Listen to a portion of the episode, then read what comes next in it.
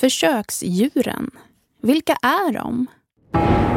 De tittar mycket och går, går fram liksom mot oss. Lite nyfiken på dig.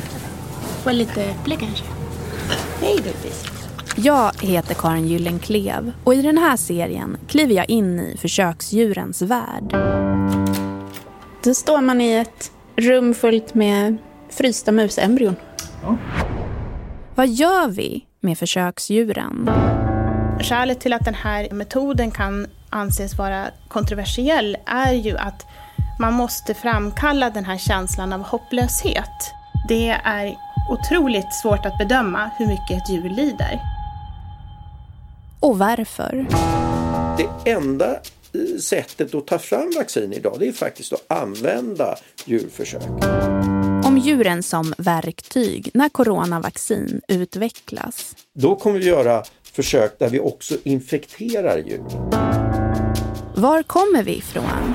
så sticker den ut ögonen på fladdermöss för att vara helt säker på att de inte tjuvkikade. 10 000, 30 000, 50 000 djur på ett bräde. Och var är vi på väg?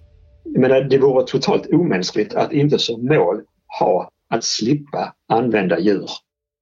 Det måste vara det yttersta målet. Försöksdjuren, om liven som används i jakten på kunskap. Kommer snart, exklusivt hos Podmi.